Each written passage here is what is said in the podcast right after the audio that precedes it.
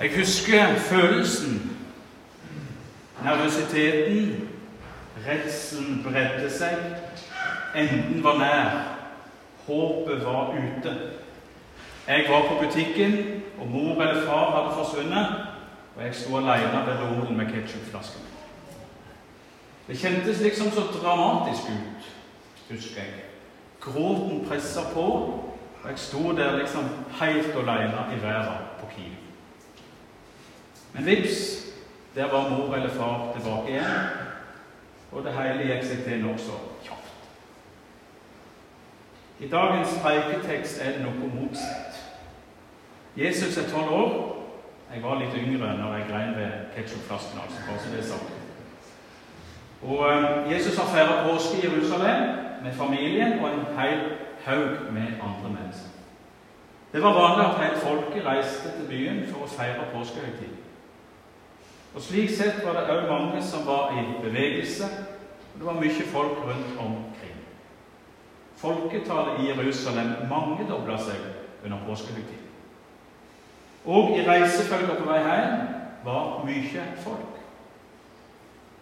Og så plutselig, eller ikke så veldig plutselig, det gikk ei dags reis, så finner ikke Maria og Josef Jesus noen sted i reisefølget. Han er vekk. Og Noen av oss kan ta seg sjøl i å tenke at det var jo noen dårlige foreldre som liksom gikk en dag uten å ha kontroll på gutten sin.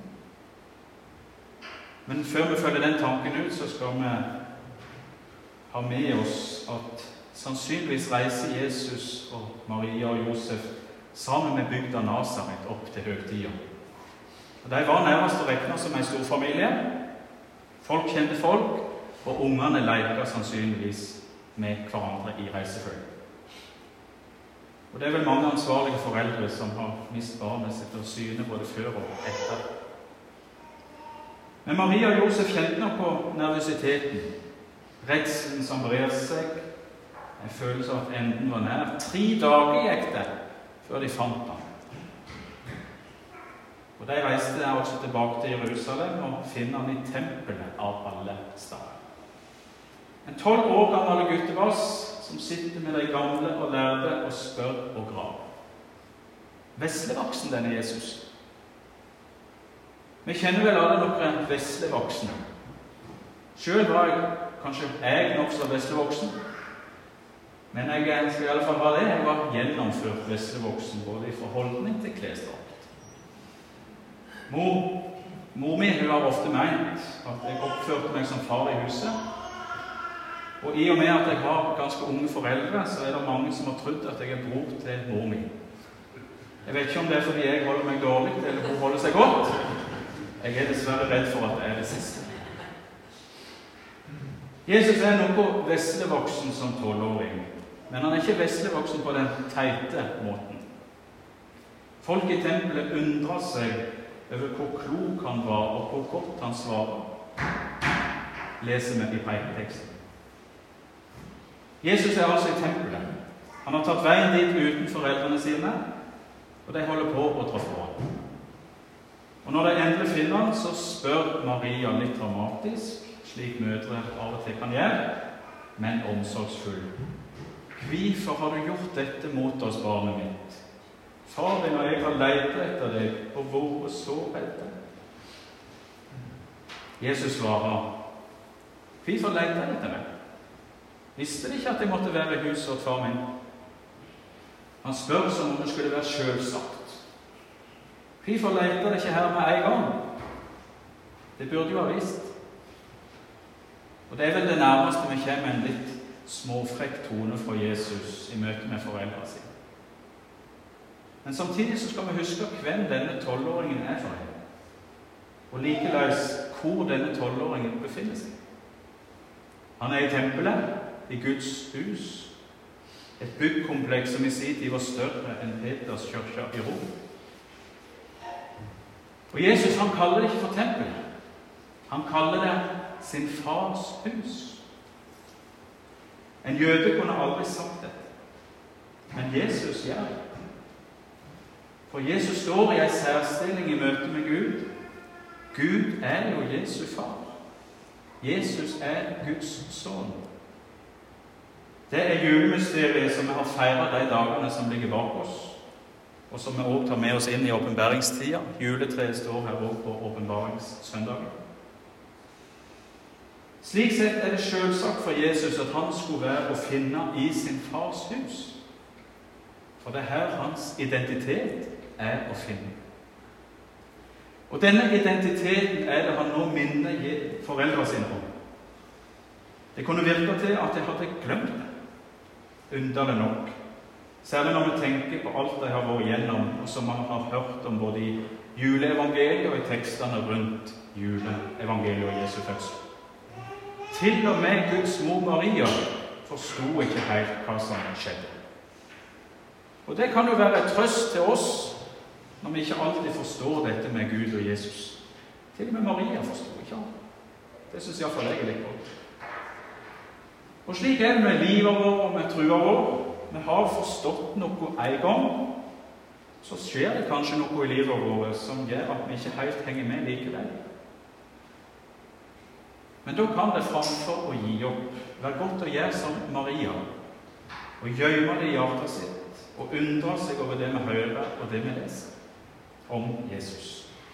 Og kanskje vil vi etter hvert skjønne og se mer av hvem han er og vil være for oss etter hvert. I dag feirer Kirka Kristi åpenbæringssøndag. Og Dermed begynner åpenbæringstida i kirkeåret. Tida som kommer etter juletida, og før den store fastetida knytta til påske. Denne tida, åpenbæringstida, ønsker nettopp å vise oss mer av hvem Jesus er og vil være for oss. Åpenbære mer av hvem han er pakke opp den største julegåva mennesker noen gang har fått for å være i julemetaforikken. Og kanskje kunne vi òg, som Jesus, få gå fram i alder og visdom denne tida og dette nye året 2021. Det er det livet handler om for oss som er kristne, og som er døpte. Å få se mer av Jesus, han som alt handler om. Et lite barn vokste opp til mann og sa at han var Gud. Han levde slik som andre han så helt vanlig ut. Hans rike lå langt borte fra all sorg og vondskap i vår verden. Og enda ber han oss forstå at det er inni oss det er. Slik skal vi synge nå etter preken. Edvard Håem sin første salme. Det er skrevet som en julesalme etter ønske fra sønnens venner fra Klovni, som jeg så ofte kan skryte av at jeg kjenner. Det er ikke noen klassisk julesalme. Den kalles 'Den fattige Gud'. Men den handler om det håpet dette vesle barnet bringer med seg. Og Edvard Roe minner oss om at Gud er nær. Guds rike til stas i oss. Enda ber han oss forstå at det er inni oss det er. I preiketeksten er Jesus i tempelet. I dag fins ikke tempelet lenger. Jesus har lært oss at Gud nå òg bor i våre hjerter. Vi møter han her i Guds hus i kirka, men han bor òg i oss. Han har stiget helt ned til oss og i oss. I kraft av dåpen og trua har vi del i Jesu identitet. Den vi får et glimt av i preiketeksten hvor han åpenbærer seg som Guds sønn i Faderens hus, i tempelet. I trua på Jesus får vi en ny identitet, gitt oss ved dåpen og trua. Paulus skriver det andre brevet sitt til korinterne. Om noen er i Kristus, er han en ny skapning. Det gamle er borte. Sjå, noe nytt har blitt til. Men alt dette er av Gud, Han som ved Kristus forsona oss ved seg og ga oss forsoningstjenester. Det var Gud som i Kristus forsona verden med seg, så han ikke tilrekna de misgjerningene deres, og han tiltrodde oss ordet om forsoninga. Det vesle barnet som vokser opp til mann, har gitt oss forsoninga med Gud. Det vonde bråtet som synd og døden og egoismen hadde skapt mellom menneske og Gud, er borte. All sorg og vondskap i vår vær er borte, som hun synger. Ja, vi lever med disse vilkårene i verden vår, men vi har noe å se fram til.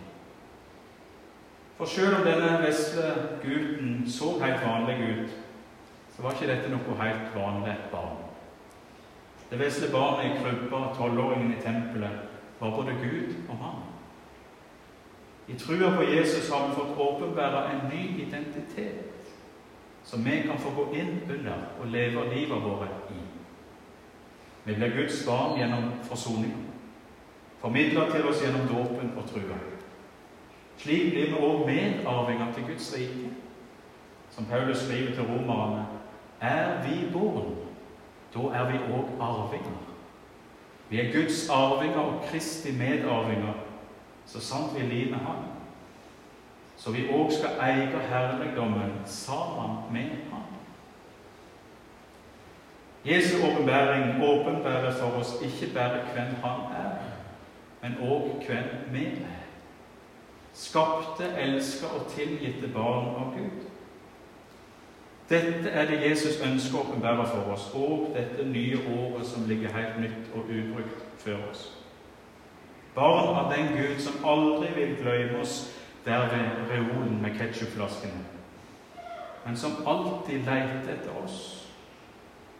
Alt vi trenger å gjøre, er å la oss finne og åpne oss opp for den Gud som vil komme oss nær. Helt nær. Med kjærlighet, med fridom og med fred. Ære være Faderen, ved Sønnen i Den hellige land, som var, er og være skal, en sann Gud, fra ever og til. Amen.